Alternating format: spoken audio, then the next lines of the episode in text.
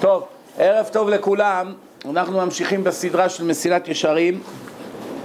בש... בשיעור שעבר סיימנו פרק 20, היום אנחנו מתחילים בעזרת השם פרק 21 ואנחנו מתקרבים לאט לאט לקראת סיום הסדרה. פרק 20 דיברנו במשקל החסידות והיום פרק 21 אנחנו מדברים על דרכי קניית החסידות. פרק קצר מאוד, בסך הכל עמוד אחד, שני עמודים. שני עמודים.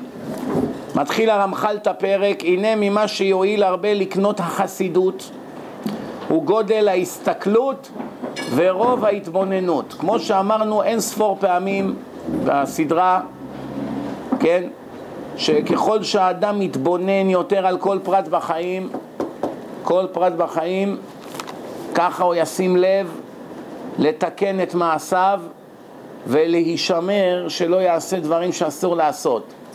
מי שמתבונן טוב בחיים, יש לזה ראייה מהתורה דרך אגב, שמשה רבנו בא והזהיר את פרעה שהשם הולך להנחית עליהם מכות, אז כתוב שמה שלפני שהחיות ניזוקו, של המצרים, כתוב ש...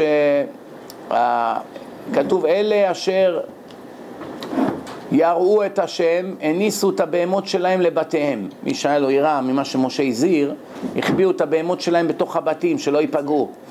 ומה ההפך מאלה שהיה להם יראת שמיים? לא כתוב אלה אשר לא יראו את השם, כתוב אלה אשר לא שמו ליבם. יוצא פה שיראת שמיים זה דבר חיובי, מה ההפך שלו? מה הצד השלילי? חוסר תשומת לב. אז חוסר תשומת לב שווה חוסר יראת שמיים. מי ששם לב לפרטים מקבל יראת שמיים. מי שלא מתבונן על כל פרט בחיים, לא יכול שיהיה לו יראת שמיים. לא יכול. הוא לא מתבונן, הוא לא, הוא לא רואה השגחה, הוא לא מתפעל מניסים, הוא לא שומע מדברים של אנשים, כל מיני דברים שהוא רואה, הוא לא מתבונן, לא מתבונן, הוא רואה דברים שקורים לו, הכל אצלו מקרה, טבע, הוא לא רואה, הוא לא רואה את השגחת השם. אז אחד כזה אין לו יראת שמיים, זה פשוט וברור. ממשיך הרמח"ל, והנה ודאי שיעזרהו לזה רוב ההתמדה והעיון במזמורי דוד המלך עליו השלום. כמה שאדם יקרא יותר תהילים, יראה את מדרגתו של דוד המלך, סבא קדישא, שהיה לו יראת שמיים ענקית, נשמה ענקית, קרבה גדולה להשם. כל מה שהיה לו בחיים, דבר אחד רק עניין אותו, שבתי בבית השם כל ימי חיי. הרי נינה את כבודיך, לך בעמיתך, יחד ליבי ליראת שמך, כל מיני עשרות פסוקים שהוא היה מתחנן לקדוש ברוך הוא, תעזור לי להיות צדיק. ברגע שאדם כל הזמן מבקש מהשם להיות צדיק, להיות צדיק, להיות צדיק, כל הזמן, השם רואה שאכפת לו להיות צדיק, הוא עוזר לו להיות צדיק. אבל אם הוא רק מבקש כסף, כסף, כסף כל הזמן, הוא גם לא צדיק וגם אין לו כסף בסוף. ואם גם יש לו כסף, הכסף הזה הולך, לא רוצה להגיד לאן. אז מה הרווחת בזה? אז תבקש להיות צדיק, גם כסף יבוא לך, אל תדאג. וההתבוננות בם במאמרי התהילים ועניינם, כי בהיותם כולם מלאים אהבה ויראה וכל מיני מדרגות של חסידות. רואים איזה מדרגה יהודי יכול להגיע בעולם. הנה בהתבוננו בם, כשאדם קורא ולומד את הפירוש של המילים של תהילים טוב, יש היום הגיון ליבי, תהילים עם פירוש לעברית פשוטה, נפלא. יש היום פירושים לאנגלית, יש פירושים לפרסית, יש לרוסית, יש לכל שפה כמעט היום. ראיתי פעם, מישהו סיפר לי שהוא ראה סינית קוראת תהילים במכון כושר, בהמתנה. ישבה בחדר המתנה, רואה שהיא קוראת תהילים, הסינית. אומר לה, מה את קוראת תהילים? אומרת, זה ביוטיפול, זה מצוין וזה, כן? גמרה להשתחוות לבודה, עברה לתהילים. בקיצור, אז הוא אומר ככה, אומר, וכן תועיל הקריאה בסיפור מעשה חסידים. יש כאלה מזלזלים, מה אתה קורא מעשיות, בבא סאלי, רבי שמעון בר יוחאי, רמח"ל, זה, כל מיני דברים שקרה לצדיקים וזה. תתפלא. אבל אם יש משהו שמעורר את האדם להיות צדיק ולקבל יראת שמיים והשגחה ואהבה להשם, זה דווקא הסיפורי חסידים האלה. דברים שקרו, מעשי ניסים שקרו, דברים של השגחה, ביטחון בהשם. נחו משגמזו, סיפור, אתה קורא כזה סיפור בגמרא, אתה מזדעזע עד איפה הגיעה הרמה שלו, כן? ולכן אתה לומד מהצדיקים האלה הרבה דברים גדולים. כי כל אלה מעוררים את השכל להתייעץ ולעשות כמעשיהם הנחמדים. דרך של האדם, דרכו של האדם שהוא חקיין. עכשיו, תלוי את מי אתה רוצה לחקות. אם אתה ממילא חקיין, כמו שקוף מחכה בן אדם, אדם מחכה בן אדם. אם הגיבור שלך זה איזה שחקן כדורגל, אז אתה מחקה אותו. אם הגיבור שלך זה איזה זמר ארס שכל היום מקלל ושר שירי אגבים, אז אתה מנסה לחקות אותו בלבוש, בתכשיטים שלו, בדיבור שלו, זה הגיבור בשבילך. ואם הגיבור שלך זה איזה זמר שחור שכל היום מקלל ומנבל את הפה שלו ושר שירי רב והמכנסיים שלו חצי ישבן בחוץ וטונות של זהב עליו ושיני זהב, זה הגיבור שלך אז אתה נראה כמוהו, גם למרות שאימא שלך שרה, אישה דתייה שכל היום קוראת תהילים עם כיסוי ראש. מה, חסר שרה ורבקות שיש להם כאלה ילדים כושים? עם שיני זהב ו- וכל מיני פונפונים וז- וזקני תיש וקעקועים בכל הגוף? איך זה קרה? זה הגיבור שלו, אותו הוא מחכה. אותו הוא מחכה. אה, ואם הגיבור שלך זה דוד המלך, אז אותו אתה מחכה. ואם הגיבור שלך זה הרמח"ל, אז אתה מחכה את הרמח"ל, אתה קורא את סיפור חייו, אתה רוצה להיות כמותו. אם רבי חיים קניאבסקי זה הגיבור שלך, אז אתה רוצה להיות כמותו. אם הרב עובדיה הוא הגיבור שלך, אז אתה רוצה להיות כמותו. אז אם אתה רוצה להיות כמותו, תהיה 20% כמותו, כי אתה מחכה אותו. לפחות אתה מחכה דמות חיובית. באופן כללי, לא טוב לאף אדם להיות חקיין, לחקות מישהו ספציפית. רק מה, לחקות את דרכיו הטובים זה טוב, כי זה דרכי התורה, מה אתה רוצה? לכן ידוע שאם אדם קורא ביוגרפיות של אנשים גדולים, זה משפיע עליו. לכן אם כבר אתה קורא ביוגרפיה, תקרא ביוגרפיה של הרמב"ם. מה יעזור לך לקרוא על החיים של מייסד אפול? מה, מה זה עוזר לך? שאתה לא שהוא היה ערבי לבנוני ואיזה מישהו אימץ אותו והוא נהיה מיליונר והמציא כל מיני מכשירים? מה זה נותן לך עכשיו? אז מה יצא ממך בסוף? אז תהיה מתכנת מחשבים, תמציא איזה פטנט, אולי שתלך בעקבותיו? מה עכשיו זה יועיל לך? אז הנה בסוף ראית מה הסוף שלו, גיל 50 הלך. למה לא תלמד מהרמב"ם? הרמב"ם כבר 900 שנה עוד לא הלך. כל יום לומדים בספרים, כל העולם לומדים בספרים שלו, מזכירים את שמו כל רגע. זה עם כל הכבוד לו, למרות שעשה מהפכה טכנולוגית, עוד עשרים שנה מי יזכור אותו בכלל? לא יזכרו אותו. רבי שמעון בר יוחאי עברו אלפיים שנה, כולם זוכרים אותו. כל שנה מיליון איש, חצי מיליון איש הולכים לאזכרה שלו במירון. אלפיים שנה אחרי, כן? למה צדיקים גדולם, גדולים במותם יותר מבחייהם, הגמרא אומרת. כמה שעוברים יותר שנים, הם הולכים וגדלים עוד ועוד ועוד.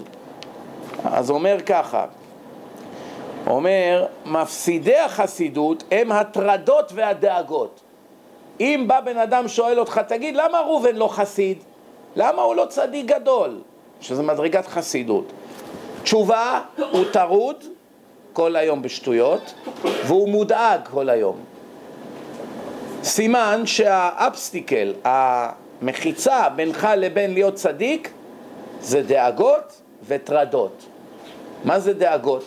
כסף, צ'קים, אנשים, פועלים, עוד חנות, לפתוח, זה לשים מודעות בעיתון, הקבוצה שלך, יש לך נסיעה, פגישת עסקים, אה, אני יודע מה, סוף שבוע עסקי, אתה צריך לטוס ללאס וגאס, יש show, כל הזמן אתה טרוד, אין לך זמן להיות צדיק. ובדרך כלל הטרדות והדאגות זה כמו בעל ואישה, זה הולך ביחד. ברגע שיש לך כבר דברים שאתה טרוד בהם, זה מביא אותך לדאגות. הדאגות מביאים אותך לטרדות, והטרדות מביאים אותך לדאגות. כמו התרנגולת והביצה, כן? ככה זה עובד. כי בהיות השכל טרוד ונחפש בדאגותיו ובעסקיו, אי אפשר לו לפנות אל ההתבוננות. אין זמן ללמוד תורה, לעיין על החיים. ללמוד מוסר, ללמוד פילוסופיה, ללמוד השקפה, אין זמן. כל הזמן עסוק בטרדות, בעניינים. יש אנשים, אתה נותן להם דיסק, אתה אומר להם עשר דקות תשמע. לא מוכנים. אין לי זמן, אני בן אדם עסוק. עוד חמש דקות תבוא, יש איזה עכשיו איזו הזדמנות לעשות הרבה כסף, מתי? אבל זו פגישה של שלוש שעות. מתי, איזה שעה? מחר שבע בבוקר. איפה? מנהטן. חמש הוא כבר קם, נוסע, שם את האוטו, משלם 60 דולר לחניון, לובש חליפה, כמו ביום חתונתו, כן? רץ, יושב, שלוש שעות, מה? לא שתה קפה, לא כלום. מה? אולי מישהו יציעו לו איזה עסקה, רוב העסקאות האלה זה סתם עסקי אוויר, כן? אומרים לו, בוא תשמע, דברי אלוקים חיים עשר דקות, אין זמן, טרוד בשטויות. השכל טרוד ונחפז בדאגותיו ובעסקיו, אי אפשר לו לפנות אל ההתבוננות הזאת. מבלי התבוננות לא ישיג חסידות. ואפילו אם השיגו כבר, אם קרה איזה יום יומיים שנהיית חסיד, לא היה הרבה טרדות נגיד באותם ימים, הנה הטרדות שיבואו אחר כך הכוונה, מכריחות את השכל ומערבבות אותו. יש היום דיבור סלנג בארץ. מה, אתה מערבב אותי? נהיה חדש עכשיו. פתאום הרבה ישראלים אומרים, מה, הוא מערבב אותו, תראה איזה נוכל זה, תראה איזה תחמן, הוא מערבב אותו. זה לא אתם המצאתם, הנה הרמב"ם אומר, הר, הרמח"ל אומר, הוא מערבבות אותו, מערבב לו את השכל, כן, הטרדות. ואינן מניחות אותו להתחזק ביראה ובאהבה, זה לפני 250 שנה, כן? להתחזק ביראה ובאהבה, ובשאר העניינים השייכים אל מידת החסידות.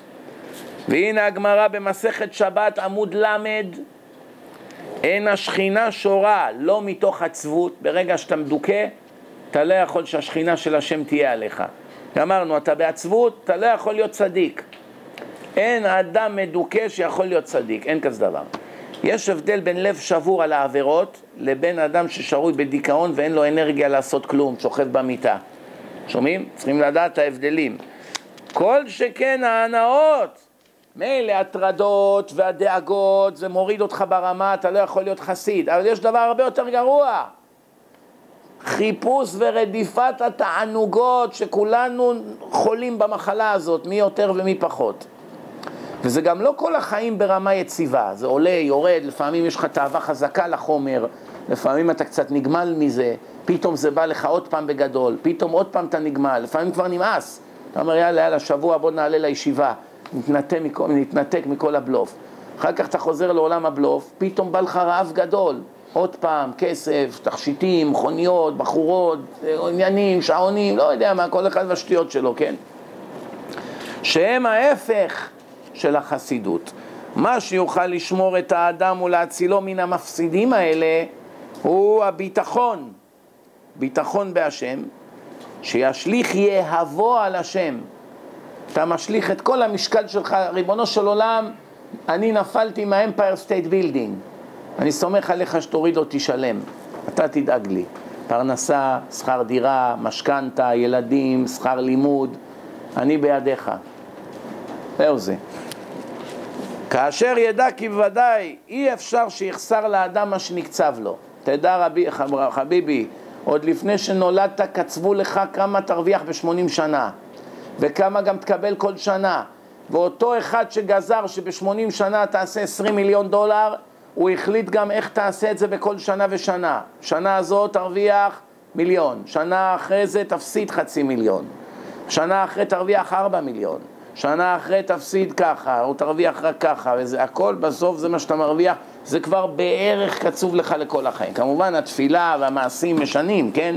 אבל זה בערך הקצבה שלך, כתוב בגמרא, תלוי באיזה מזל נולדת. מזל של עושר, מזל של עוני.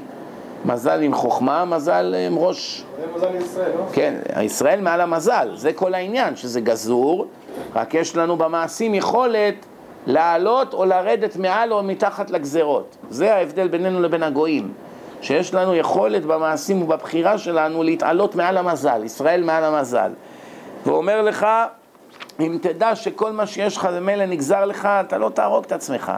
אז יהיה לך יותר זמן לתורה, ליראת שמיים וכולי.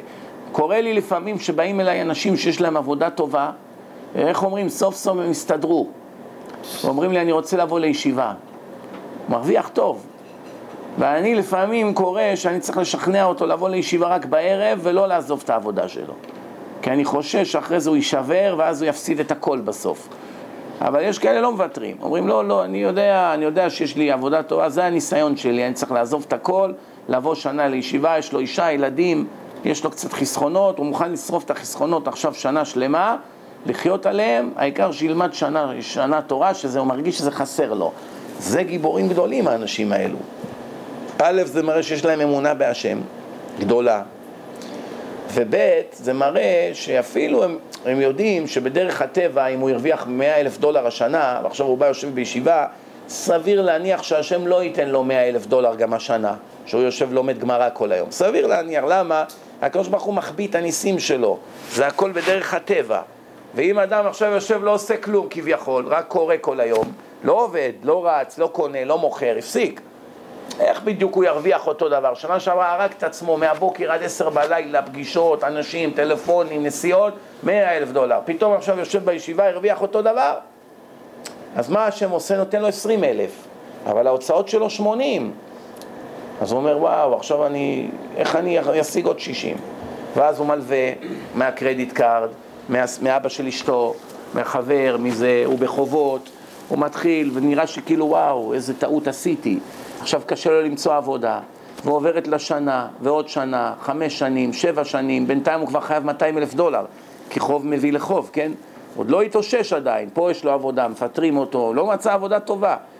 והשטן רק מחכה שהוא יגיד חבל שהלכתי שנה לישיבה, שגם את זה הוא יפסיד. ומה, אם הוא מחזיק בה באמונה שלו ואומר, השתבח שמו לעד, אני חי, אני נושם, למדתי שנה תורה, זה כבר אי אפשר לקחת ממני, בעד כל הון שבעולם. מה קורה בסוף? פתאום מוצא עבודה, שנה, שנתיים, החזיר את כל החובות, עוד שלוש-ארבע שנים נהיה עשיר, עוד שלוש-ארבע שנים חיתן את כל הילדים, עולם כמנהגו נוהג, כולם בסוף אוכלים, כולם בסוף יש להם מיטה לישון, כולם יש להם בסוף תחבורה, כולם יש להם זמן ללמוד תורה. שאלה מי עושה ומי לא, זה השאלה. מסיים כאן את הפרק הרמח"ל, מסכת ביצה ט"ז, כל מזונותיו של האדם קצובים לו מראש השנה, דיברנו בזה הרבה, אין טעם להאריך עכשיו. במסכת יומא ל"ח כתוב, אין אדם נוגע במוכן לחברו אפילו כמלוא נימה. מה הפירוש? אתה לא יכול לקחת סנט מהחבר שלך, מה, מהפרנסה שלו, סנט. אף אחד שפתח חנות כמוך ברחוב לא יכול לקחת לך את הפרנסה. אף אחד שגנב ממך לא יכול להוריד אותך. אם מגיע לך, השם יחזיר לך את זה. אם לא, אז תשלחו לך משמיים, שיקחו ממך את מה שאתה בעצמך גנבת. מה אתה בוכה? כבר היה האדם יכול להיות יושב בתל. אם היה לו אמונה מאה אחוז בהשם, יכול היה לשבת כל החיים לא לעבוד שנייה. שום טלפון, שום פגישה, שום השתדלות. אם לא שקדם הקנס לכל בני האדם, אם לא זה שיש גזרה על האנושות, שצריכים, איך אומרים, בזעת אפיך תאכל לחם, הגזרה נגזרה זה על כולם. רק מי יותר מי פחות זה תלוי בבחירה. יש גזרה, שעה בחודש. שעה בחודש אני עובד. מה העבודה שלך כבודו? אני עושה ארבע חמש טלפונים, הולך לאיזה חצי פגישה ומשליך את יהבי על השם. קונה איזה כרטיס חישגד, לוטו, פיס, פעם בשבוע, זהו זה. מה, מה, מה, אם השם רוצה לשלוח לי פרנסה, מה, הוא צריך שאני אהיה בוגר אוניברסיטה, ישלוח, ישלוח לי מאה אלף דולר בשנה? צריך שאני כל יום אנהג במונית? אוי לטיפשים, המטופשים, האטומים והפלגמטיים, הכל ביחד פי מיליון, שחושבים, כן, שכמה שתתאמץ יותר ותהיה מוכשר יותר בעולם העסקים, יהיה לך יותר מה לאכול. לא שמעתי שהיתושים חושבים ככה. יש להם בלי סוף אוכל. הפילים, לא שמעתי שגמרו תואר ראשון, תואר שני, כן? חסר אנאלפביתים שבאו מהארץ עם הישבן שלהם בחוץ וערסים של גור... אה, גורמטים של ערסים ויש להם עשרים חנויות של סניקרס ושל מעילי אור. הכרתי כמה כאלה. ונוסעים במרצדס של 200 אלף דולר, עברית הם לא יודעים לדבר. שלא לדבר על אנגלית, את החתימה הם לא יודעים לחתום באנגלית.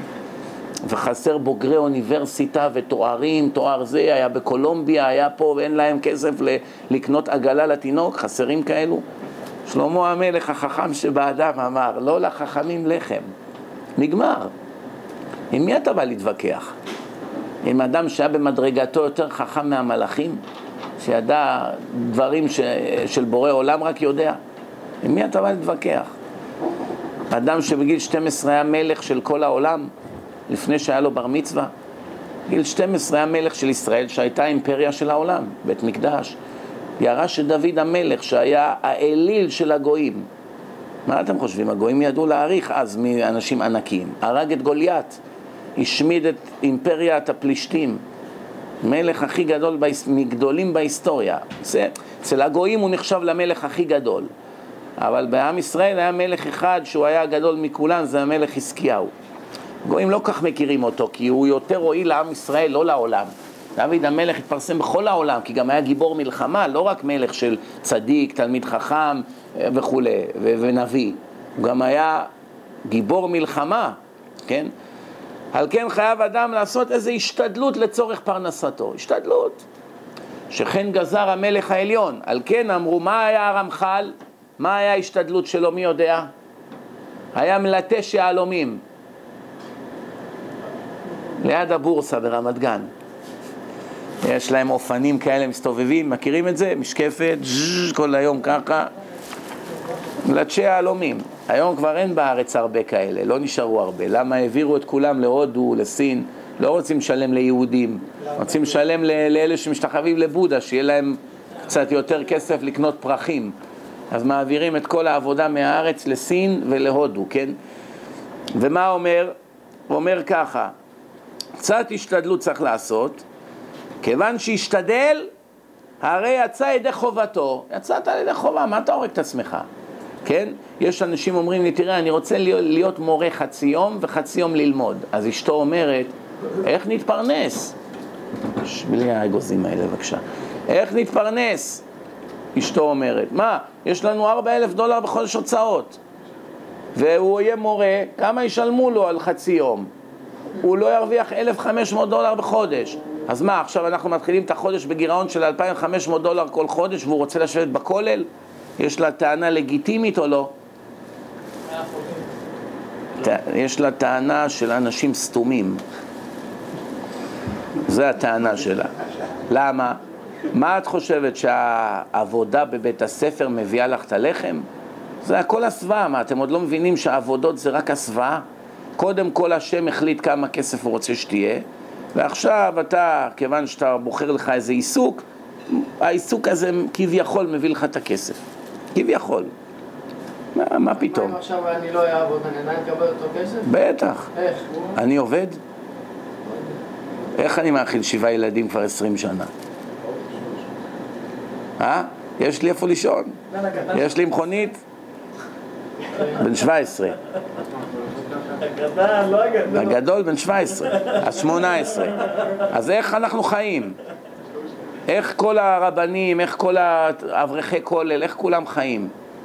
עכשיו, החילונים שרואים את הסרט, אומרים, אני אגיד לך איך אתם חיים. אנחנו משלמים. אז תרשו לי להרגיע אתכם, אתם לא משלמים לחרדים פרוטה. פרוטה לא מגיע לחרדים מחילונים בארץ. פרוטה. כסף של חרדים הולך לחרדים, כסף של חילונים הולך לחילונים, כסף של גויים הולך לגויים.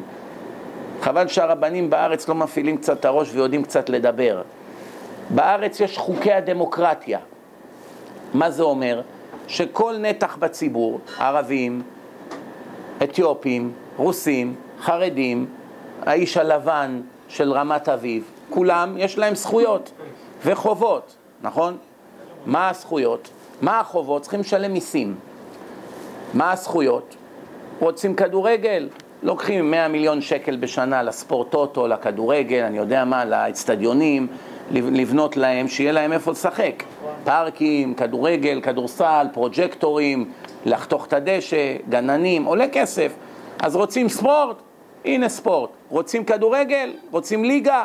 אוקיי, תנו לכם תקציבים. מה עוד רוצים הבימה? רוצים ברודוויי, תיאטרון, איזה רקדנית, ככה עם בגדי בלט, תעשה ככה, וכולם ימחאו כפיים עם המשקפות ככה באופרה, יבוא איזה שמן, יצעק, וכולם ימחאו לו כפיים, הם מקבלים תקציבים, לא? אז עכשיו יש גם חרדים אוהבים ללמוד, לומדים, לומדים בתורה של בורא עולם, אז גם הם צריכים תקציבים. למה הוא בברודוויי כן וזה לא? למה המתנ"ס בבאר שבע כן והוא לא? כולנו באותו עם. עכשיו, לביוב משלם עשרות מיליוני דולרים בשנה מיסים? כן. רייכמנים משלמים, יש להם עסקים, משלמים עשרות מיליוני דולרים. יש מעל אלף מיליונרים חרדים במדינה ששולטים בהון, הון, הון של מאות מאות מיליוני דולרים כל שנה, שמתגלגלים, יהלומנים ענקיים, חרדים, יושבים בבורסה, עושים מאות מיליוני דולרים מחזור ביזנס של יהלומים בכל העולם, בלגיה, בבורסות, הם משלמים בארץ 50% מיסים. זה הכסף שהולך לחרדים. לוקחים מחרדי א', מחלקים את זה לישיבות. זה לא בא מהחילונים. כל פעם שחילונים הולכים, אתם לומדים ואנחנו משלמים, עפר לפיך, שקרן. אתה משלם להבימה ולכדורגל. והאבא, הדוד שלי, שמרוויח 100 מיליון דולר בשנה, הוא שילם 50 מיליון, מזה אני אוכל, לא ממך. זו התשובה. והצבא זה עוד עניין, יש לי גם דרשה שלמה על הצבא, גם זה טענה שקרית על הצבא. כי מי שמבין איך העולם מתקיים, יודע שאלה שלומדים תורה מצילים את המדינה הרבה יותר מכל אחד אחר. למרות שכבודם של החיילים מונח במקומם, וצריכים להסיר בפניהם את הכובע שמוסרים את נפשם יום ולילה ולהכיר להם טובה, זה, זה לא הספק, אין פה ספק. אבל אלה שמוסרים את נפשם על התורה, כתוב בתורה שהם מועילים לעם ישראל יותר מהצבא. ויהושע בן נון שהיה מצביא, מצביא צבאי גדול יותר מאריק שרון, הוא כבש את יריחו ועשה מהפכות בעולם שהם נזכרו בהיסטוריה, כן? אז, אז הוא, כשהוא הלך למלחמה, חצי מהצבא למדו תורה שלושה ימים לפני, והחצי השני הלכו למלחמה. והחז"ל אומרים לך שהאלה שלמדו, הם אלה שהביאו את הניצחונות. רק אנשים לא מבינים את זה. עכשיו, החילוני הוא לא מבין מה זה תורה, לכן הוא צועק וצווח. זה אני מבין אותו. מה, הוא לא מלומד, הוא לא יודע מה זה כוח התורה, לכן הוא צועק. אבל על העניין של המיסים ושל המענקים, זה סתם שקר. זה שקר, זה אפילו לא בורות. בתוך תוכם, אם הם חושבים, הם יודעים שיש זכויות וחובות, לוקחים כסף מכולם ומחלקים את זה לפי ככה. חוץ מזה, זה הכל פוליטיקה. יש כך וכך חרדים, אתה רוצה אותי בכנסת, אתה רוצה להעביר חוקים בשבילך, אתה צריך אותי, צריך אותי, תשלם. ככה זה הכנסת. אתם קבעתם את חוקי הדמוקרטיה המטופשת הזאת. בתורה אין דמוקרטיה, אתם המצאתם את זה, זה חוקי היוונים. אתם המצאתם ממשלה שהרוב שולט. רק כשאין לה רוב מספיק רוב, הוא צריך את המיעוט. אז הוא צריך את המיעוט, אז תשלם. למה הדבר דומה? אני עכשיו פתחתי פיצריה ב-200 אלף דולר, אני לא יודע לאפות פיצות. מישהו הבטיח לי שהוא יעשה איתי, ואיך אומרים, ברח ברגע האחרון. עכשיו אני כבר מושקע 200 אלף דולר. בא לי איזה ספרדי, לא יודע שתי מילים באנגלית, ואין לו דולר. אומר לי, אני יודע לאפות פיצות. אני אומר לו, אוקיי, בוא תעבוד, אני אשלם לך עשרה דולר לשעה. הוא יודע שאני צריך אותו. אומר לי, מה פתאום, עשרה דולר לשעה? מה, אני פועל פשוט? אני בעל מקצוע, אני רוצה תכניס אותי שותף 20 אחוז. אני אומר לו, אני השקעתי 200 אלף דולר, מה 20 אחוז? מה עכשיו אתה רוצה פה 40 אלף דולר מתנה עוד לפני שהתחלת ללכלך את הידיים שלך בבצק? הוא אומר, take it or leave it. זה הוא למד להגיד באנגלית. יש לי ברירה? אם לא, אני פושט רגל תוך חודשיים. אין, אין, ההוא ברח ברגע האחרון. אז אני חותם איתו הסכם, הוא נהיה שותף. בסוף אני בא ואומר לו, עשיתי לך טובה, הכנסתי אותך שותף. מה הוא עונה לי? אני עשיתי לך שות... טובה, אני הצלתי לך את הביזנס. זה בדיוק מה שהחרדי צריך להגיד לחילוני בממשלה. אתה עשית לי טובה, הכל זה קח ותן. אתה לא יכולת להיות ראש ממשלה בלעדיי. שמתי אותך בשלטון, גנבת מיליארדים, הברחת כספים לשוויץ, היית צריך אותי, נתת כסף לישיבות. זה ביזנס לכל דבר, מה אתה רוצה? זה ביזנס. למה ביזנס לספורט, לזה כן אפשר? לאלה שרוצים לעשן חשיש וצריכים אותם בממשלה, שבא טומי לפיד, מה היה לו חוץ משנאה של חרדים? מה היה לו להציע? כל הממשלה שלו היה נאצים, שונאים יהודים שומרי מצוות. זה כל היה, ונתנו להם הון. הון, תקציבים, עניינים, למה להילחם בחרדים? כי זה השתלם להם, היה להם 15 מנדטים, רצו להרכיב ממשלה. מחר יקום איזה אחד שיגיד אני רוצה להקים קבוצה של מסומנים, נרקומנים, מזריקי הירואין ויצביעו בשבילו עשרה אה, מנדטים, דהיינו חצי מיליון פלגמטים רוצים להיות מסוממים זרוקים ברחובות ולקבל כסף מהממשלה ואי אפשר להרכיב ממשלה, רק איתם. מה יעשו? תנו להם כסף להירואין, מה יעשו? זה מה שיעשו, זה, זה, זה הדמוקרטיה המטופשת. אתה קבעת את החוקים, אתה תשלם. ובלי להקנית אף אחד, ובלי לזלזל באף אחד. רק פשוט, יש כאלה שלא יודעים לדבר. שכבר מגיעים הוויכוחים האלה, נותנים להם פתחון פה. ומה קורה כשבן אדם רואה שאתה שותק, הוא מפרש את זה שתיקה כהודאה.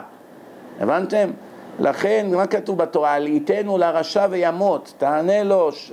את שיניו, מה אתה שותק? תן לו, תענה לו, שישתוק. כן? ותחזיר אותו בתשובה, תן לו תורה ומדע, שניים שלושה דיסקים, divineinformation.com, בעוד, בעוד שנה הוא כבר ייתן את הנאום שלי לחבר'ה שלו, כן? בואו נתקדם הלאה. אומר הרמח"ל, עם נדר, למה בלי נדר? אומר, אומר הרמח"ל, מסיימים בזה, כי אלוקים הוא שופט, זה ישפיל וזה ירים. זה מה שאמר שלמה במשלי, אל תיגע להעשיר. מה זה אל תיגע? מה זה אל תיגע? המילה תיגע יש לה שני משמעויות. לגעת עם היד במשהו ולהיות יגע. יגיעה, עמל, עייפות. איך יודעים מה זה? אם יש דגש או אין. אם יש דגש, אם אין, אם אין דגש בגימל, אז צריכים לבטא את זה אל תירא, כמו העיראקים. שלא נירא לריק, שלא נעבוד סתם לריק. אם אתה אומר אל, שלא ניגע לריק, אתה משבש את המילה. זה כאילו שלא ניגע סתם, שלא ניגע סתם. אבל זה לא נכון, הפסוק אומר שלא נתייגע לריק. שלא המצוות שלנו, תכוון אותם למקום הנכון. זה מה שאומרים בתפילה, כן? שאל תיגע להעשיר, אל תהרוג את עצמך להיות עשיר.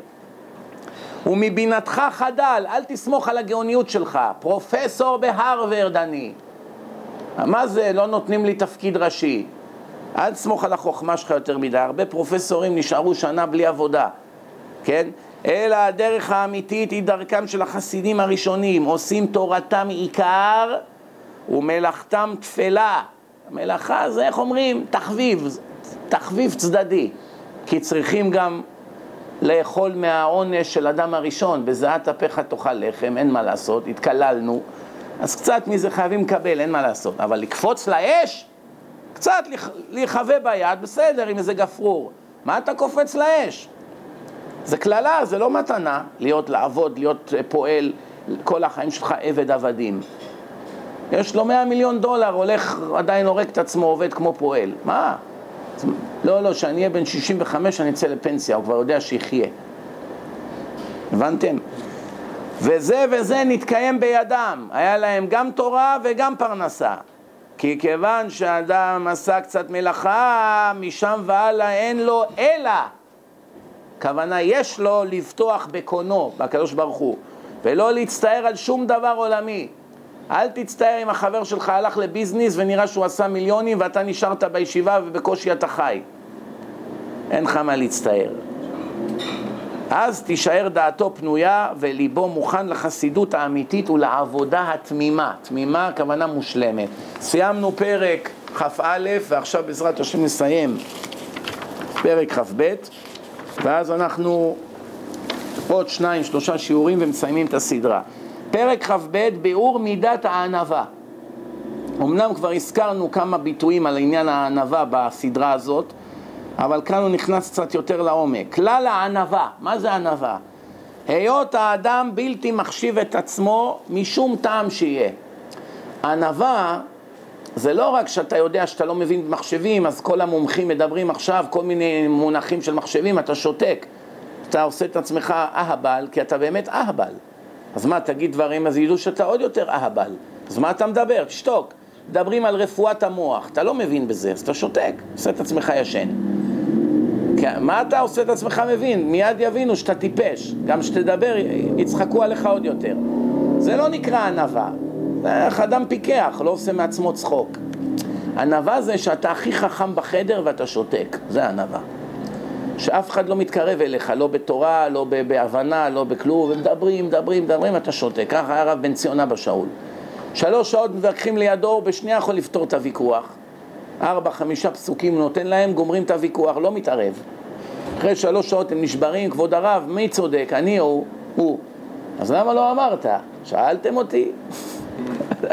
לא, אני לא דוחף את האף שלי לעניינים אחרים. מה, אני צריך להוכיח משהו? כי בתחילה צריך האדם להיות ענב במחשבתו. הענבה מתחילה במחשבה. קודם כל תכניס לעצמך טוב בראש שאתה כלום. כלום. מה שיש לך זה לא בזכותך, נולדת חכם זה גם לא בזכותך, לא הרווחת את זה. וגם אם למדת הרבה תורה שזה כן בזכותך, כי עבדת קשה, לכך נוצרת. אז מה אתה רוצה עכשיו שייתנו לך כבוד על זה? אם עכשיו הביאו אותך לעבוד בבייגל סטור, וניקית את הרצפה כל יום בעבודה יסודית ושקיבלת 100 דולר. אתה רוצה שימחאו לך כפיים, הבוס? מה אתה רוצה? בסוף היום שנותנים לך את המאה דולר, שימחאו לך כפיים, ישירו לך שירי יום הולדת, מה אתה רוצה? אה, למה אתם לא שרים לי שירים? למה אתם לא מוחאים לי כפיים? למה אתה רוצה שנמחא לך כפיים? עבדתי כל כך קשה היום. לכך, לכך העסקנו אותך, בשביל מה הבאנו אותך לעבודה? אותו דבר הקדוש ברוך הוא אומר, אני בראתי אותך ללמוד תורה, מה? ללמוד את, עליי, על האמת שלי, על העולם, על הבריאה, על עולם הבא. של מה בראתי אותך, אז מה אתה עכשיו רוצה שנמחא לך כפיים? לכן איך שלא תסתכל על זה, אתה לא יכול להחזיק לעצמך טובה בשום דרך כלשהי, שום דרך. בתחילה צריך להיות האדם ענב במחשבתו, אחר כך יתנהג בדרכי הענבים. כי אם לא יהיה ענב בדעתו וירצה להיות ענב במעשה, זה לא יהיה ענבה אמיתית, זה יהיה ענבה מדומה ורעה, בלוף.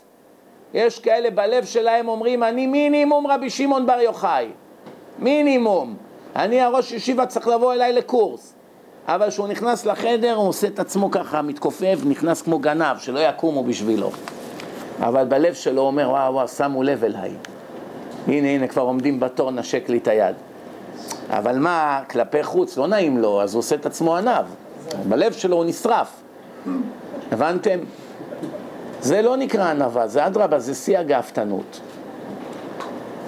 הוא אומר, אלה צבועים אשר אין בעולם רע מהם.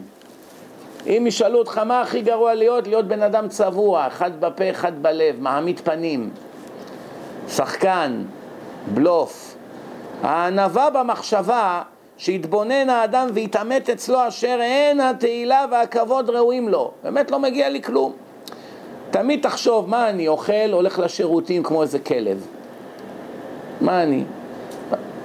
יושב, בהמה לכל דבר. אני מדבר, גם התוכי מדבר. אני פיקח, גם השימפנזה פיקח. דולפינים גם חכמים. אני בועט בכדור, ראית הפיל איזה בעיטות יש לו? 300 מטר הכדור עף, בקרקס. כמעט הוריד למאמן את הראש. כן, מה, מה, אתה שוחה? הדג הכי קטן, דולר וחצי פה מהאקווריום, שוחה יותר מהר. מה, במה אתה חכם? מה אתה גיבור? אתה חזק? תבוא גורילה בספארי, מוריד לך אחת, מנחית אותך, עושה לך פיתה. אז במה אתה עדיף על החיות? מותר האדם מן הבהמה, אם כתוב. אין לך שום יתרון, אז מה אתה מחזיק לעצמך? כן? וכל שכן מתנשא על שאר בני מינו. למה זה? מפני מה שחסר ממנו בהכרח, וגם מפני מה שכבר יש בידו. כי אי אפשר לאדם שיהיה באיזה מדרגה שיהיה מן השלמות ולא יהיה בו חסרונות רבים. כמה שתהיה אדם ענק, מבריק, נשיא ארצות הברית. חסר, יש לך הרבה חסרונות, הרבה חסרונות. כן, תשאל היום את האנשים הכי מצליחים. Do you think you're perfect human being? אתה חושב שהאדם מושלם? יצחקו עליך.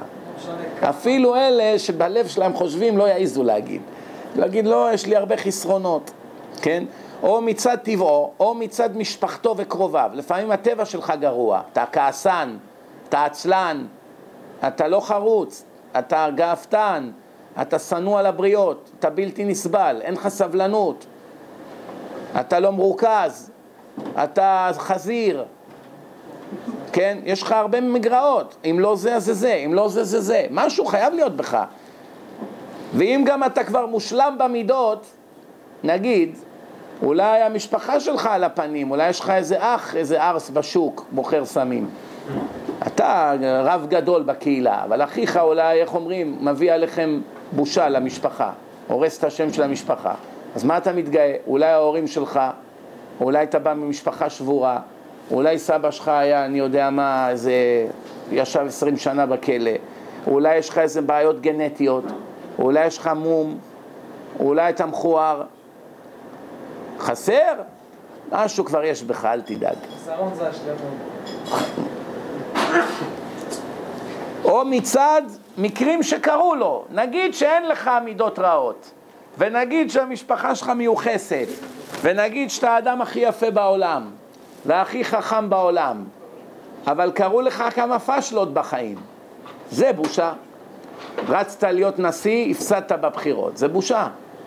מישהו העליב אותך באיזה דרשה, באמצע ראיון בטלוויזיה זרקו עליך הקהל איזה פחית קוקה קולה וכולם צחקו. זה כבר בושה. תמיד תמצא על מה לצחוק על עצמך, לא חסר. המבטא שלך, הגובה שלך, הקרש שלך, תאמין לי שלא חסר. תתמקד בשלילי ותוריד את האף מהר, לפני שתעוף על עצמך. איך אומרים בארץ? תעף על עצמך יותר מדי, כן? מה אומר? שמע אומר, החסרונות האלה יספיקו להחשיכם, לא כמו שאומר אדון גבריאל, ששכח להביא את הבטריה. הרגע אמרת אין שלמות, אז אני אומר, השלמות, זה שאין שלמות זה לא השלמות, זה חיסרון השלמות. אבל מה שטוב זה שזה יזכיר לך להוריד את עצמך לקרקע. הנה החוכמה היא המביאה יותר את האדם לידי התנשאות וגאווה. בדרך כלל מי הם הגפתנים הגדולים? החכמים הגדולים. המרצה באוניברסיטה. הוא בז לאנשים הפשוטים. הארס מהשוק, כשמדברים איתו החבר'ה בשכונה, הוא לא מרגיש אני פרופסור ואלה ככה. יש גם כאלה, זה נקרא דל גאה. בדרך כלל זה הפרופסור משנקין או מאפקה, שפוגש את הארס משיכון המזרח או משכונת התקווה, אז לא נאה לו לשבת בחברתו. למשל, כן, אני מכיר איזה אחד שנהיה ביג שאט רציני, ושינה את השם שלו משם ספרדי לשם אשכנזי טהור, והוא כבר לא בא לשמחות המשפחתיות. אז פעם מישהו שאל אותו, למה אתה כבר לא מופיע לבר מצווה, לחתונות? אומר, אני אגיד לך, אני לא מוצא שום דבר משותף ביני לבין המשפחה. כבר שכח, העבד כי ימלוך, כבר לאימא שלו הוא לא בא, כי אימא שלו מדברת בחטא ועין, והוא כבר נהיה סוסייטי, בבוהמה. הבנתם? על זה מדובר. על אלה. אומר לך הרמח"ל, שמע טוב, אומר לך רב, רבי, רבן יוחנן בן זכאי בפרקי אבות, אם למדת תורה הרבה אל תחזיק טובה לעצמך, כי לכך נוצרת, אם עשיר הוא ישמח בחלקו, ועליו לעזור למי שאין לו, אם גיבור הוא עליו לעזור לנכשלים ולהציל את העשוקים. הגמרא במסכת סוטה אומרת, כמה גדולים נמוכי הרוח, כוונה אלה ששפלים וענבים. בזמן שבית המקדש קיים, אדם מקריב קורבן עולה, שכר קורבן עולה בידו. אדם מקריב מנחה, שכר מנחה בידו. אבל מי שדעתו שפלה, מעלה עליו הכתוב, הוא נחשב בתורה, כאילו הקריב את כל הקורבנות כולם. לא אחד או שניים, הכל. איפה זה כתוב? תהילים נ"א, פסוק י"ט: זבחי אלוהים רוח נשברה, לב נשבר ונתקה, אלוהים לא תפזה. שומעים? לב שהוא דאון, all the way down, מחשיב את עצמו בזוי ושבור, אף פעם הקדוש ברוך הוא לא יבזה את אותו אחד. לעומת זאת, מה כתוב על הגאוותנים? גבה לב אותו לא אוכל, לא יכול לסבול אותו. אין אני והוא יכולים לדור באותו מקום. תועבת השם כל גבה לב. יש הרבה פסוקים נגד הגאוותנים. והענבים, מה משה זכה להיות האיש הכי חשוב בהיסטוריה? והאיש משה ענב מכל אדם, מגמגם. היה לו הרבה בעיות. הוא גדל במקום של גויים, הוא לא גדל כישראלי טהור. מה עכשיו באת, באת מזימבבואה להיות המלך ועוד מגמגם עלינו ומטפל בכבשים? למה? כי הוא היה ענב, השם אוהב ענבים.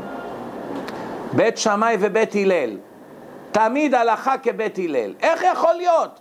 שני הרבנים הכי גדולים בעולם מתווכחים בסוגיות הלכתיות. הלל תמיד צודק ושמאי תמיד טועה? איך יכול להיות כזה דבר? מה, לא מצאת 30-40 אחוז מהפעמים שצריכים לפסוק הלכה כמו שמאי?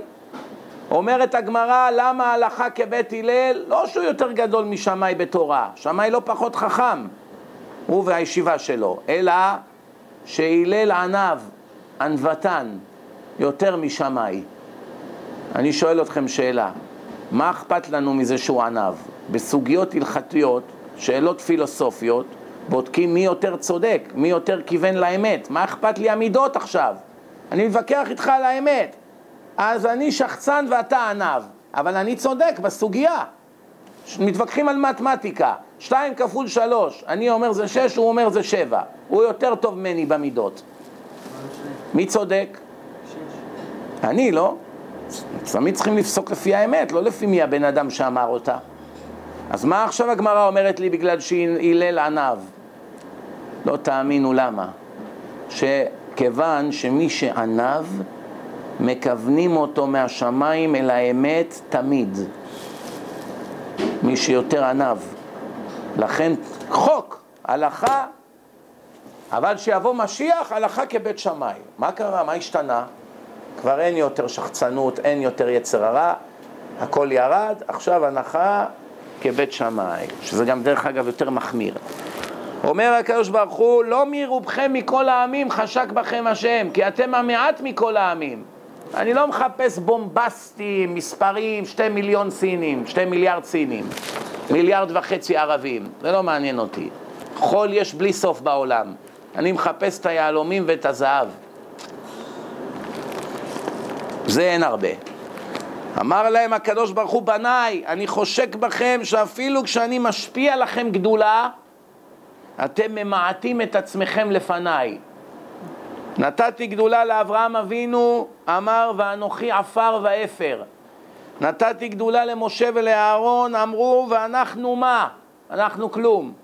נתתי גדולה לדוד, אמר ואנוכי תולעת ולא איש.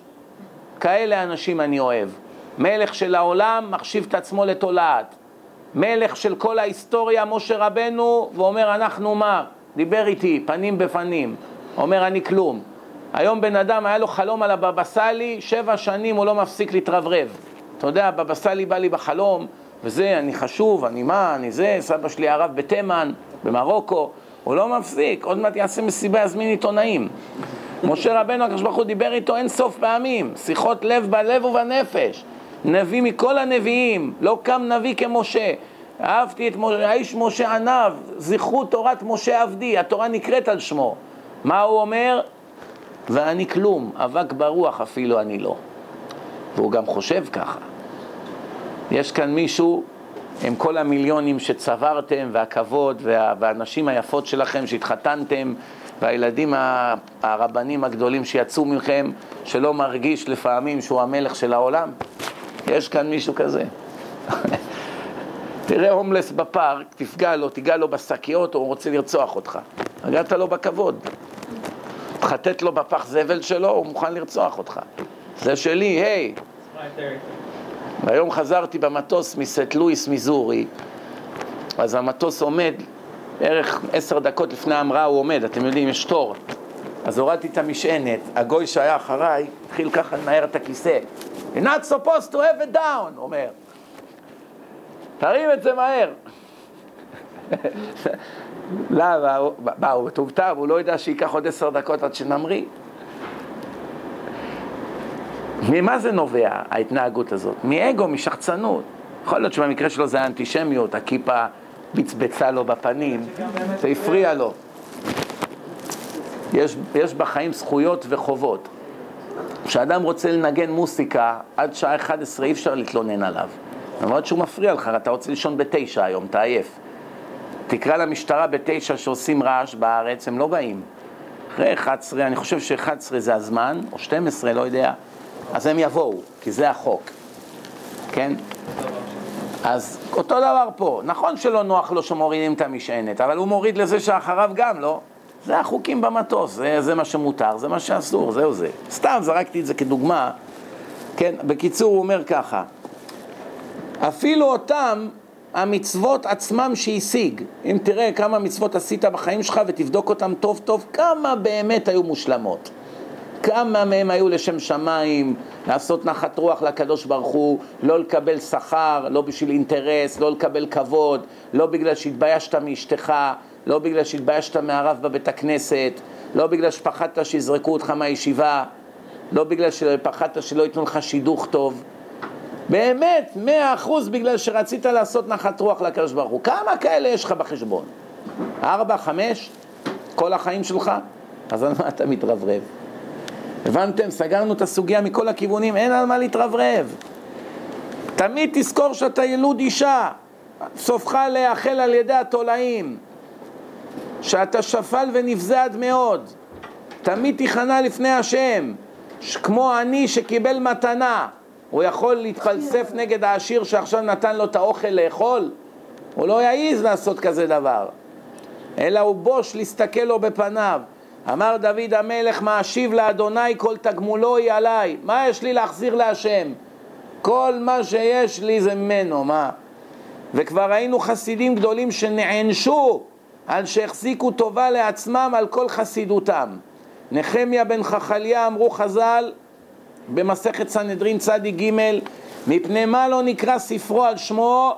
מפני שהחזיק טובה לעצמו. כל הספר שלו לא קוראים לו על שמו.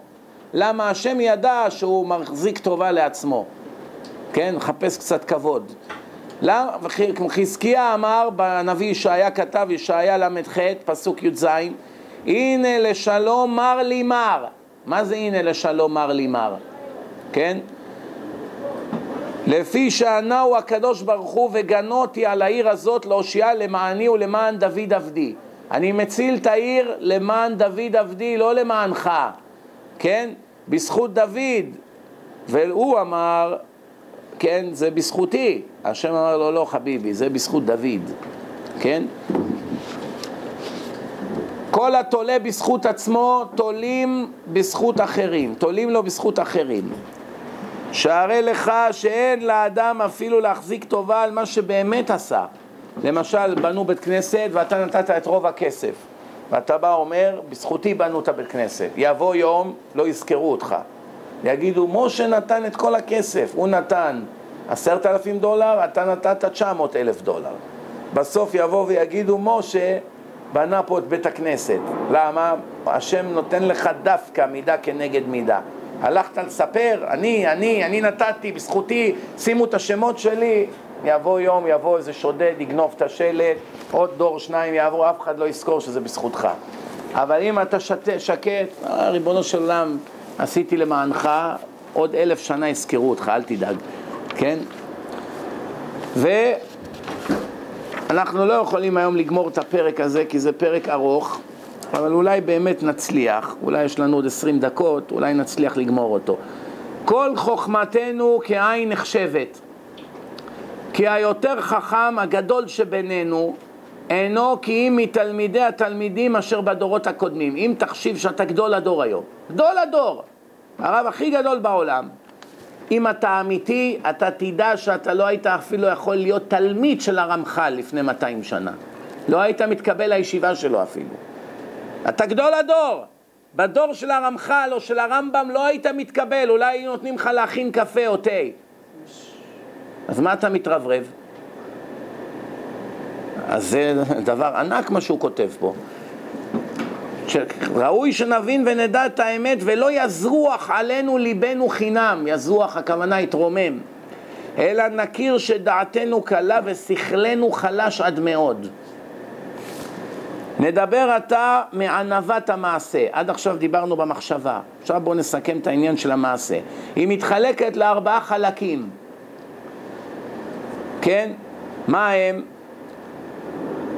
התנהג עצמו בשפלות, התנהגות שפלה, כוונה ענווה, לסבול עלבונות ולא להחזיר, להבליג, לשנוא את הרבנות ולברוח מהכבוד, שזה המחלקה השלישית, לא לחפש שיכבדו אותך בגלל שאתה יודע תורה ואתה דרשן גדול, אל תתחיל ללבוש בגדים של אה, רבנים מיוחדים שבכל מקום ידעו שאתה דרשן. תבוא, אתה בא למקום חדש, שב בקהל, אל תגיד לאיזה מישהו, תגיד להם שאני הגעתי, אני רב גדול מעיירה כך וכך, שב כמו אחד העם.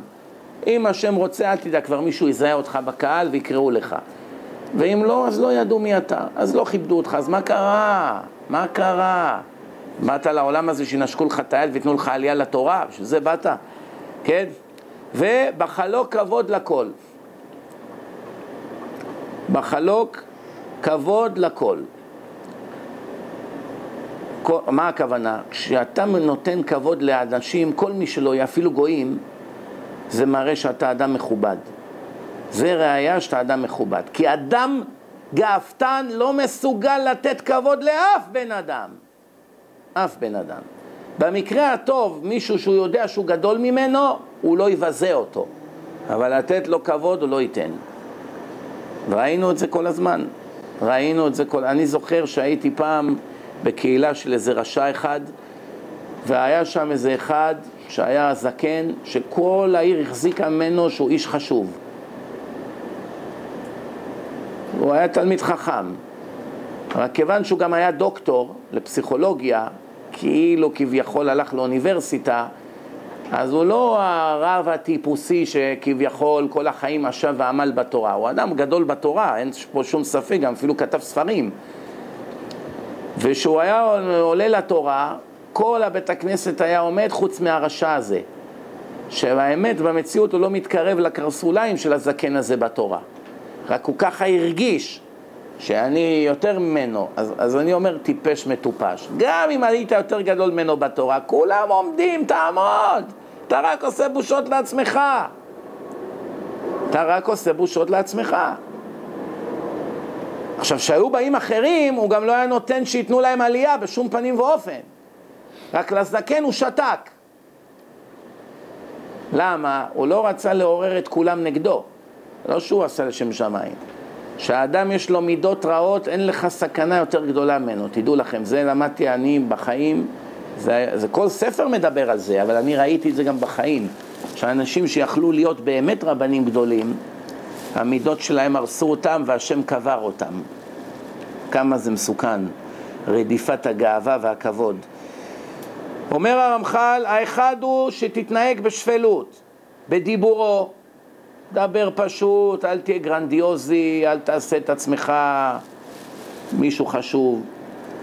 בהליכתו, הולך ברחוב, בא קונה עגבניות בשוק.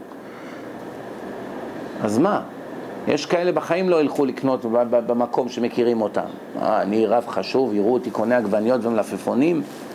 כולו מפוצץ בגאווה. אז הוא שוכר נהג, משלם לו משכורת שהנהג יעשה את זה. כאילו, מה, זה לא לכבוד שלי, כן? מה, מי אתה בכלל?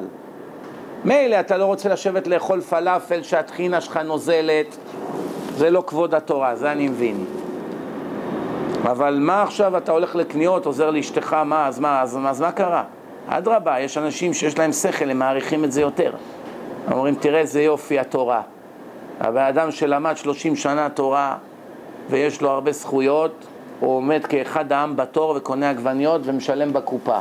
ואדרבה, יש אנשים שיעריכו את זה, זה כבוד לתורה, זה לא ביזיון. בשבתו, דרך שאתה יושב, אל תהיה השחצנים האלה רגל על רגל עם ה pipe שלהם, אתה צריך לדבר איתו, עושה את עצמו שאין לו זמן בשבילך, תעמוד בתור, דבר עם המזכירה שתעשה לך פגישה. עזוב אותנו מהפוזות האלו, כן? כל תנועותיו, דיבורו, מעשיו, הליכתו, אכילתו, הכל צריך להיות בענווה. כאדם הפשוט. לעולם יהיה, חז"ל כותבים במסכת יומא פ"ו, לעולם יהיה דיבורו של אדם בנחת עם הבריות. אל תצעק, אל תשפיל, אפילו את ההמנקה. איזה אחת אמרה לי שהבן דוד שלה הוא אדם טוב מאוד, אבל היא לא אוהבת שהוא מבזה את הפועלים הספנישים. אז אני אמרתי לה, אם ככה הוא בן אדם רע מאוד, הוא לא בן אדם טוב מאוד. היא אומרת, לא, לא, רק איתם הוא לא טוב, אבל עם אנשים אחרים הוא בסדר. אם אתה בא למסעדה ואתה משפיל את המלצר בגלל שהוא גוי, או ערבי, או פורטוריקני, או לא משנה מה, או בגלל שאין לו מעמד חברתי כמוך, אין אפס יותר ממך, תזכרו את זה.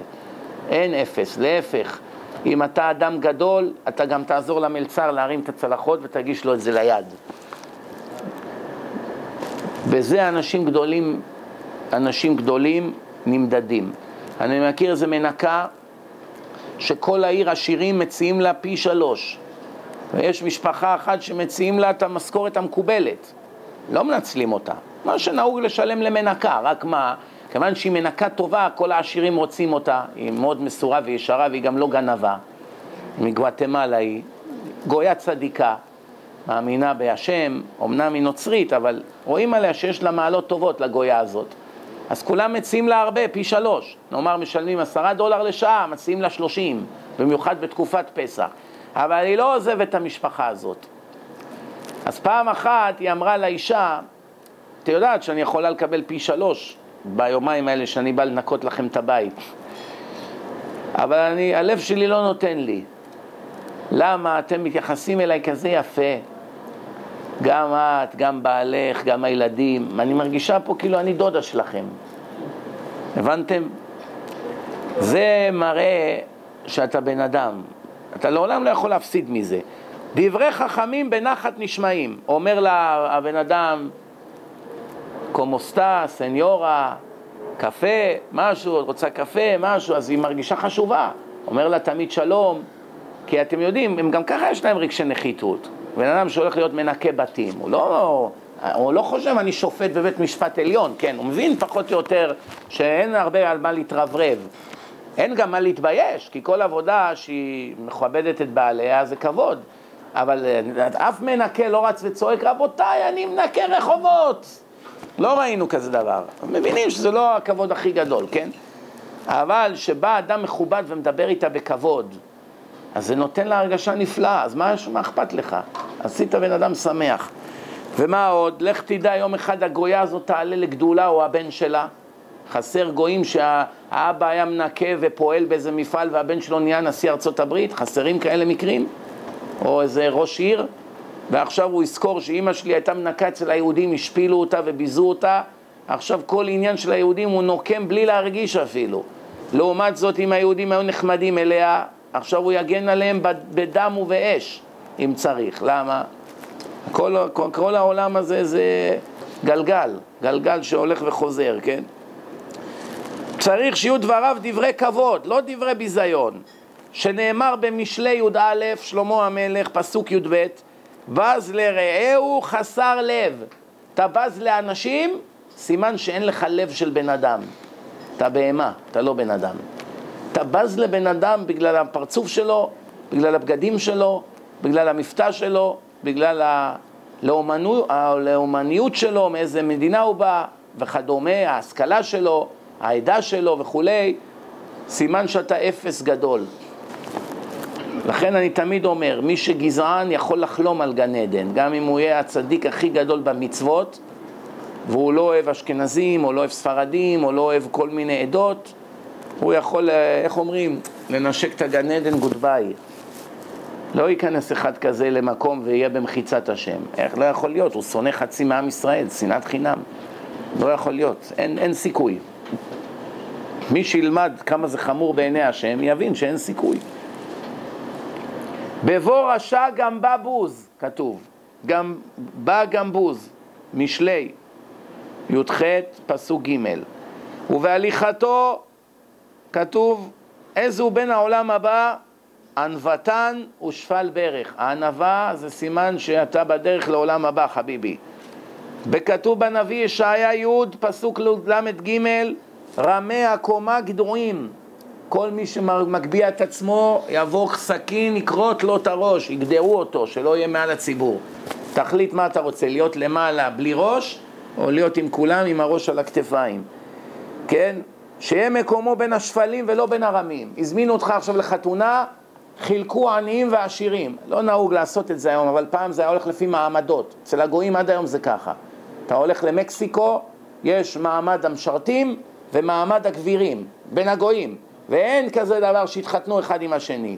ולא יעלה בחיים שיושיבו משרת בין העשירים. אין כזה דבר, והמשרת אף פעם לא מדבר בלשון קרבה לבוסים שלו, אף פעם. גם אם הוא לא הבוס הישיר שלך, הוא בעל אחוזה או בעל עסק, ואתה פועל אצל עסק אחר, אתה לא יכול לדבר איתו בגוף ראשון. אתה צריך לדבר איתו בכבוד, סניור, סי סניור, סי סניורה.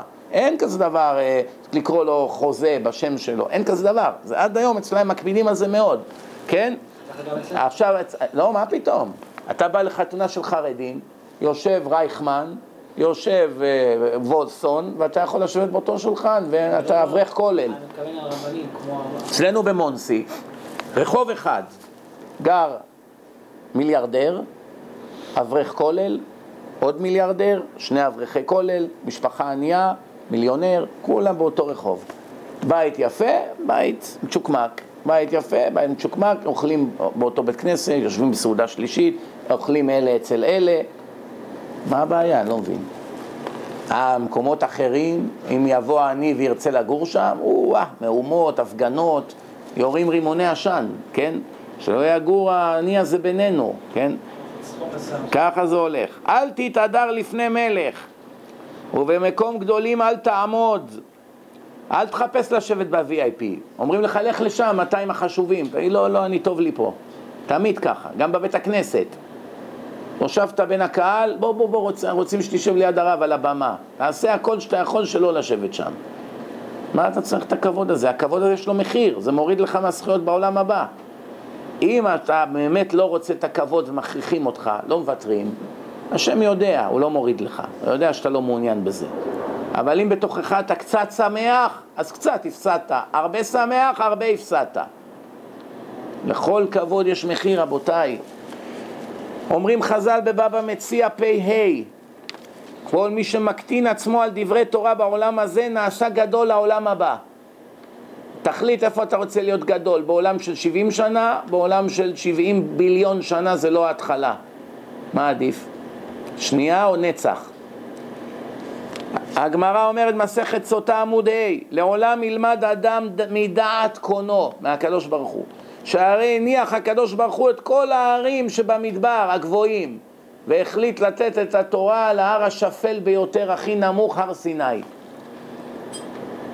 למה? בגלל שללמד ענווה. לא מחפשים כבוד, גרנדיוזיות וכולי החלק השני זה היה קטגוריה הראשונה החלק השני סבילת העלבונות כן? מעליבים אותך, שומעים חרפתם ואינם משיבים, אל תענה. תעביר עניין. אוקיי, עזוב, בוא לא נריב, שלום, בסדר, מחילה, סליחה. אתה צודק, תגיד מחילה, מה אכפת לך? סליחה, מצטער. היום ישבתי בשדה תעופה, ישב מאחוריי גוי ענב. היה לבוש מאוד מהודר, אחרי זה גם ראיתי שהוא עולה בפרסט קלאס, רואים עליו שהוא עשיר. הוא ישב עם הגב אליי, כיסא אחד לצד, או שני כיסאות לצד. ואני מאוד שהייתי עייף, ישנתי מאוד מאוחר בלילה, קמתי מאוד מוקדם בבוקר לתפילה, אין שם מניינים, זה לא מונסי שם, אתה יכול לבוא עוד שעה, זה...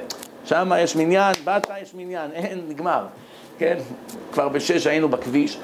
בקיצור, אז אני ככה התמתחתי, לא שמתי לב שיש מאחריי מישהו, כי לפני שהתמתחתי, כמה דקות לפני הוא לא ישב שם. עשיתי ככה, פגעתי לו בראש. מיד אמרתי לו, I'm very sorry. אמר, לא אמר כלום, לא, לא כעס. אחרי איזה חצי שעה, אתה יודע, מראש שאתה עסוק, עוד פעם עשיתי ככה, עוד פעם פגעתי לו בראש. פעם ראשונה, אני מבין למה הוא לא צעק, הוא הבין שזה בליחה. פעם שנייה כבר אדם אחר היה מתעצבן. What's wrong with you? גם חייך כזה חצי חיוך, לא אמר כלום. ענב, גם זה יש לו שכר לגוי הזה. הוא בא יום אחד לעולם הבא, הקדוש ברוך הוא אומר לו, תראה, אתה יודע מה, פה ביום הזה הייתי גאה בך. גוי. יכולת לצעוק, להשתולל, שתקת, העברת, אם גוי ככה, קל וחומר יהודי, כן? לכן אומר ככה, תראו, אומר, למי נושא עוון? את מי העוונות של מי הקדוש ברוך הוא נושא, סובל אותם? עוון זה, זה עבירות במזיד, חטאתי זה בשוגג, עוויתי זה במזיד, פשעתי זה במזיד על מנת להכעיס, לכן עוונות זה בכוונה, למי שעובר על פשע, שאתה מעביר שפושעים נגדך, לא עושה מזה big deal, השם ייקח את העוונות שלך, יסבול אותם, אל תדאג. ידון אותך במידת הרחמים.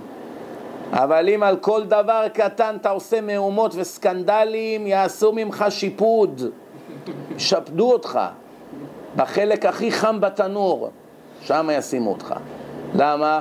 תגיד, רגע, למה החבר שלי בחלק הקר של התנור ואני בשיא האש? כי החבר שלך לא, לא עשה רעש וצלצולים על כל דבר שעשו לו. לפעמים כן, אבל ברוב הפעמים הבליג. אבל אתה על כל ציוץ הכי קטן עשית סקנדלים, בלתי נסבל. צריכים אותך לטהר כמו שצורפים את הכסף ואת הזהב, בשיא האש. ככה זה עובד. הנעלבים ואינם עולבים. תהיה תמיד מאלה שמעליבים אותם, לא מאלה שמעליבים אחרים. שומעים חרפתם ואינם משיבים. עליהם הכתוב אומר, ואוהביו, אוהבי השם הכוונה, כצאת השמש בגבורתו. כמו שהשמש זה הדבר אחד החשובים שיש בעולם, בבריאה, שהיא יוצאת, מתחילים החיים, ככה אתה נחשב, שהעליבו אותך ושתקת. ועוד כתוב, תולה ארץ על בלימה. כל הכדור הארץ עומד על מי שבולם את פיו בשעת מריבה, כתוב בגמרא. אתה יכול לענות ואתה שותק. העליבו אותך ואתה שותק. המדרגה השלישית, שנאת הרבנות ובריחה מן הכבוד. לאו דווקא רבנות, בימינו זה גם להיות שופט, עורך דין גדול, דוקטור גדול, תפקידי רם מעלה, כן? בזמנם היה רק רבנות נחשב, שום דבר אחר לא היה נחשב כלום. כי כולם הבינו שלהיות דוקטור לעומת רב זה כמו קוף ליד בן אדם, כן? או להיות עשיר ליד רב זה כמו תולעת ליד בן אדם, כן? היום נותנים כבוד לאנשים על כל דבר קטן, זה שופט, מכבדים אותו, זה עורך דין, זה שר בממשלה, מכבדים אותו, כן? זה כדורגלן, מכבדים אותו, זה זמר, יודע קצת לסלסל, עומדים בתור לכבד אותו. פעם זה לא היה ככה, פעם ידעו, הכבוד זה רק להשם, לי, לי העושר והכבוד אמר השם. הכבוד זה רק לתורה היה, כל השאר היה שטויות. היום נותנים כבוד לכאלה, נו, איך אומרים, שלא עמלו כדי להשיג את הכבוד. נולד עם קול של זמיר, משתחווים לו. אחד עמד 40, 60, 70 שנה, למד, היה צדיק כל החיים שלו, נותנים לו אותו כבוד כמו איזה זמר קסטות מהתחנה המרכזית. עם קעקועים על הראש וכל הגוף שלו וזה, כן? והגילים פה והגילים שם, ומחבק איזה גויה, ומעשן סמים, ולא יודע מה עוד, כן? ונותנים לו כבוד בערך מה שנותנים לרב עובדיה ולרב אלישיב. הבנתם לאיזה דור של ליצנות הגענו? כן? כל אחד כבודו במקומו מונח, אני חלילה לא מזלזל ואף בן אדם. אני רק כואב לי שכל אחד, כל איזה אחד שהוא ראש המאפיה וזה, הפך למודל לחיקוי היום בארץ. אחד שיודע לבעוט באיזה חתיכת אור, הפכו אותו לאליל. שאל היום ילדים דתיים, מה היית רוצה להיות? הרב עובדיה, או איך קוראים לשחקן הכדורגלן הכי טוב בארץ? או היית רוצה להיות מסי, מה יגידו כל הילדים הדתיים? לא כולם, לא כולם, תלוי אם קיבלו חינוך טוב או לא. לפחות. הלש, לעולם אל תארץ אחר השררה. שררה זה כבוד, שלטון. תלמידי רבן גמליאל יוכיחו שהיו מוצרכים מפני עניותם, היו עניים מרודים ולא רצו לקבל תפקיד. אף על פי שעם תפקיד יש משכורת שמנה, יהיה שר בש"ס, לא רצו. למה? זה כבוד, לא רוצים כבוד. יהיה לך וולבו, יהיה לך נהג, יעשו לך כבוד, יראו אותך בטלוויזיה, לא רוצה. תן לי להיות עני, ללמוד תורה מעדיף לי. הגמרא במסכת הוריות עמוד י' אומרת, כמדומין, אתם חושבים שאני נותן לכם שררה? הרב שלהם אמר להם, אני נותן לכם כבוד רבנות, אתם חושבים שזה כבוד? עבדות אני נותן לכם, אתם הופכים להיות עבדים של הציבור יום ולילה. מה זה הרבנות? זו העבודה הכי קשה שיש. שתיים בלילה, טלפון, כבוד הרב, אמי נפטרה. עברת קדישה, סידורים, זה עכשיו לסדר לבוקר, להטיס את הגופה לארץ. שש בערב, כבוד הרב, אנחנו חייבים לבוא, יש בעיה, אשתי, בעלי רוצה לעזוב את הבית, זה בא, שלום בית, אמרג'נסי, מהר, הטלפון חמישים פעם צלצל, אתה באמצע לימוד, אין לך מנוחה. רגע, אין לך מנוחה. אמר לי, בן, חבר שלי הוא בן של אחד מגדולי הרבנים, שגם היה אחד מגדולי בעלי המוסר של הדור הקודם. אמר לי פעם אחת, הפתיע אותי, אומר לי, אני עד היום כועס על אבא שלי. אבא שלו נחשב לאחד מהצדיקים הכי גדולים במאה השנה האחרונות. אמרתי לו, אתה כועס על אבא שלך? הייתי עמום. אומר לי, לא היה לי אבא. הוא שירת את הציבור כל החיים שלו. ואני גדלתי מוזנח. לא קיבלתי את מה שהיה מגיע לילד רגיל. שומעים? היום זה מעל עשרים שנה מאז שאביו נפטר. אמנם הוא מעריך ומכבד את אבא שלו, שאבא שלו אחד מגדולי הדור, אבל הוא אמר, לא, אני כועס עליו על עניין הזה שלא היה לי אבא. כולם היה אבא, ואבא שלי תמיד שירת אנשים, כל הזמן, פגישות, אנשים, באים, בוכים בבית, זה, זה הרבנות. אוי לה לרבנות, הגמרא בפסחים פ"ז אומרת, שמקברת את בעליה, קוברת אותך בסוף. בסוף יבוא מישהו ימציא עליך איזה עלילה, אל תדאג. על משה רבנו לא חשדו אותו באשת איש? לא אמרו שהוא גנב? ו"ו העמודים לא אמרו שהוא לוקח את העודף של הכסף לעצמו? לא חשדו בו באשת איש, בכל מיני דברים, לא? לא חשדו שהוא לוקח את התפקידים לעצמו על דעת עצמו? מה עשו למשה רבנו? מרדו בו יום ולילה ארבעים שנה. אז אם למשה עשו ככה, וכל אחד אחר עושים לו על אחת כמה וכמה. ואיך אנחנו יודעים שהרבנות קוברת את בעליה? מיוסף הצדיק. הנהיג עצמו ברבנות, הוא מת קודם אחיו. גמרא בברכות נ"ה, הוא מת גיל 110 וכל אחיו האריכו יותר שנים ממנו. אין הרבנות אלא מסע גדול על שכם מי שנושא אותה. זה עול גדול, אחריות גדולה, דיני נפשות, לא צחוק. אתה מתרשל בעבודה שלך, זה יותר גרוע מרופא מוח, רופא לב. כי עד שהאדם יחיד יושב בתוך עמו, מובלע בין האנשים, הוא אחראי רק לעצמו. ברגע שנהפכת לרב, למאן דאמר, לנשיא הקהילה, כל ה... כולם תחתיך, זה דברים רציניים. הרב חיים קניאסקי במלחמת המפרץ, שאלו אותו אם לשים מסכות או לא, לעמוד שעות בתור לקבל מסכה. אמר, לא ייפול בבני ברק טילים, לא צריך מסכות. אתם יודעים איזה כתפיים צריך כדי לענות כזה דבר בזמן שכבר הם מכינים לנו טילים, סקאדים וזה? פחדו שיהיה נשק כימי. ואמר, לא צריך בבני ברק מסכות. מה חס וחלילה היה נופל טיל קימי בבני ברק והיו מתים עשרת אלפים איש חס ושלום? שמו היה נזכר לדיראון עולם בהיסטוריה שגרם לשואה, אותו רב. מה זה, זה תפקיד טוב? אם, אם נתת עצה טובה למישהו, כותב לך אימייל, Thank you very much, I appreciate your advice very much. אם יש לך מזל, שלח לך 36 דולר צדקה. ואם נתת לו עצה לא טובה, 20 שנה הוא מלכלך עליך. הוא מזויף, הוא שקרן, הוא ככה, אל תשמעו לו. זה, זה הרבנות. שומעים? בטח שלא. כן? לכן אמרו חכמים, כבוד אינו אלא הבל הבלים, שמעביר את האדם על דעתו, הופך, אותך בסוף לחולה נפש, הרדיפת כבוד. חולה נפש, שאתה לא מקבל את הכבוד זה כמו נרקומן שלא קיבל את הסם שלו. זה הורג אותך, משפיע עליך, מכניס אותך לעצבים, חוסר ריכוז, אתה מזיע, אתה צועק, אתה משתולל, אתה רב עם אשתך, למה? לא הושיבו אותך בחתונה עם הפנים לתזמורת שורה ראשונה. זהו, שנה הוא לא מדבר עם אחיו עכשיו, כן? מי שמכירו ודאי שימאס בו וישנאו, אף אחד לא סובל גאוותנים, מי שמכיר אותו. והתהילות אשר יעללו בני אדם יהיו עליו לטורח. אתה צריך להגיד, מה אתם מעללים? איך בא איזה רבה גדול, אדמו"ר גדול, פגש את הרב בן ציון אבא שאול, כל כך הוא העריך אותו, שהוא התחיל להגיד עליו הלל. שפח אותו כבודו, כבודו גדול הדור, כבודו בשמיים, הלכה כמו כבודו בכל מקום. אמר לו הרב בן ציון, חלאס, חלאס, עזוב, שיגידו את הדברים האלה בשמיים. מה זה מועיל שאומרים את זה פה? שהלוואי שיגידו את זה עליי בשמיים, מה עכשיו הם נותנים לי פה מחמאות? זה ככה אדם צריך להגיד, יגידו עליי בשמיים, הרווחתי. פה נותנים לי מחמאות, העבודה עוד לא נגמרה, כן?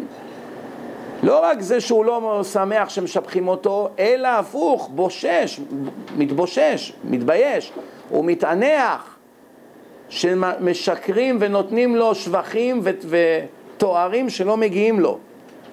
ודווקא אנחנו נסיים את הפרק עוד דקה. החלק הרביעי, זכינו לסיים היום את פרק י"ב בעזרת השם, עוד שני שיעורים מקסימום. החלק הרביעי הוא חילוק הכבוד לכל אדם. וכן שנינו איזה הוא מכובד המכבד את הבריות. כבר אמרנו את זה במסכת אבות פרק ד', כן? הווה מקדים שלום בכל אדם, בין זה המנקה הערבי, בין זה גדול הדור. שלום מוסטפא, מה שלומך הבוקר? אתה מוסטפא? בסדר. יש לי בשבילך שידוך, איזה פאטמה שלחה לי אימייל לחפש את שלו. אמרו עליו על רבי יוחנן בן זכאי שלא הקדים לו אדם שלום מעולם. אף אדם, אף אדם, גויים בשוק, הוא תמיד אמר להם שלום קודם. חייב לנהוג כבוד בחבריו, לא לקרוא להם שמות, לא לצחוק עליהם, לא לחקות אותם מאחורי גבם. 24 אלף תלמידי רבי עקיבא שהיו ענקים בתורה מחיי מתים, כולם נפטרו, רק חמישה שרדו. לא כיבדו אחד את השני מספיק. בלב לא כיבדו אחד את השני, אולי גם במעשים, לא יודעים. כן? מה... אם זה אדם שמוצהר כרשע, לא צריכים לכבד אותו. למשל, היה טומי לפיד, שם רשעים ירכב, שונא השם, מגדף את הקדוש ברוך הוא, נלחם שיסגרו את הישיבות, להרוס את החרדים, את הדתיים, אחד כזה, איך אומרים, בנפול רשעים רינה. רינה זה הכוונה גילה, דיצה, שמחה, רינה, אהבה ואחווה, שלום ורעות. זה הכל כלול בפנים, ברינה, כן? הענב יחוש מעט על דברי העולם ולא יקנא בהבליו. מי שענב אין לו עיניים גדולות, בא לבית של עשיר, לא מזיז לו כל העושר. אומר, הוא מתפעל אולי מהיופי, כן. יופי זה יופי, אדם לא עיוור, רואה ארכיטקטורה, רואה כל מיני מנורות יפות, מתפעל מהיצרן, מהאומנות, בסדר, אין בעיה, זה לא חטא. הוא לא חומד את זה. טוב לי בפינה שלי, יש לי חדר עם לימוד, ספרים, אני מאושר, מנורה, סטנדר, יש לי מזרון, יש לי מה לאכול, השתבח שמו. כי מי שמקנא באחרים, כל חייו זה מריבות ומדון, כאב לב, רדיפת ממון, קנאה, שנאה וכולי, ואין לך חיים. סיימנו בעזרת השם את פרק כ"ב, נשאר לנו פרק הבא, דרכי קניית הענווה, איך מגיעים, שזה עמוד וחצי, נגמור אותו צ'יק צ'אק. פרק כ"ד הוא קצת יותר ארוך, אבל עדיין קצר, שהוא נקרא ביאור יראת החטא. פרק כ"ה, קניית העירה, איך מגיעים לרמה של, קריה, של עירה, עמוד ורבע. והפרק האחרון, שזה פרק כ"ב, עניין הקדושה. זה מקסימום שני שיעורים, שני שיעורים מקסימום נשארו לנו, מקסימום. אולי יהיה לנו מזל, באיזה שיעור אחד ארוך כמו היום, נסיים את זה שבוע הבא. בכל מקרה תדאגו בימי שני הבאים, הבא והזה, לא, לא, להחסיר, כי הסיום זה כמו כל הסדרה ביחד, כן? החיתום, הכל הולך אחר החיתום, לכן כשעושים סיום מסכת, כולם באים, אפילו ביום של צום, אוכלים ושותים, כי משתתפים בשמחה, נחשב לך כאילו השתתפת בכל הסיום, כן? כאילו, לא מאה אחוז, אבל זה כבר מדרגה, כאילו סיימת יחד איתם. ברוך אדוני לעולם, אמן ואמן.